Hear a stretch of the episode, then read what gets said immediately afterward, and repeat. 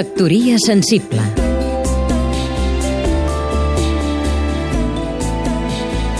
Oleguer Sarsenedes, periodista Fa uns dies ens arribava d'Austràlia la notícia d'una matança de camells. Sembla que se'ls ha descontrolat la població de camells. Ja els passa, això, a Austràlia. Fa uns anys van ser els conills. S'escapen, se silvestren i comencen a reproduir-se a gran velocitat. A Austràlia, ja se sap, hi ha camp per córrer. Doncs bé, resulta que el camp, si més no al centre del país, ara és ple de camells. Es calcula que n'hi ha prop d'un milió.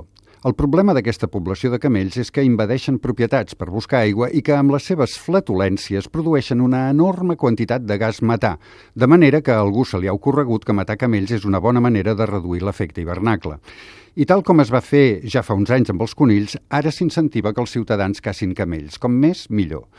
La notícia sobta per insòlita, però sobretot perquè el camell és un animal amic, un company de l'home, com el cavall, com l'elefant. I sobta també perquè vivim en un món globalitzat en què les distàncies desapareixen, en què tots som tot d'una veïns els uns dels altres i tot passa en temps real. Amb internet, les persones, les cultures, estem en contacte, compartim espai, i això canvia substancialment les coses.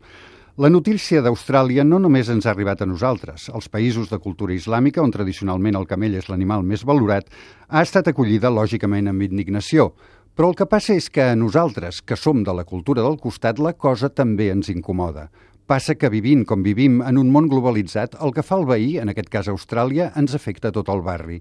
I passa que, en un context en què cada vegada som més conscients de fins a quin punt la nostra civilització ha malbaratat i malbarat els recursos, hi ha coses que ja no es poden fer, perquè la gent no les admet.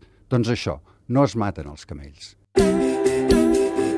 Factoria sensible Seguim-nos també a catradio.cat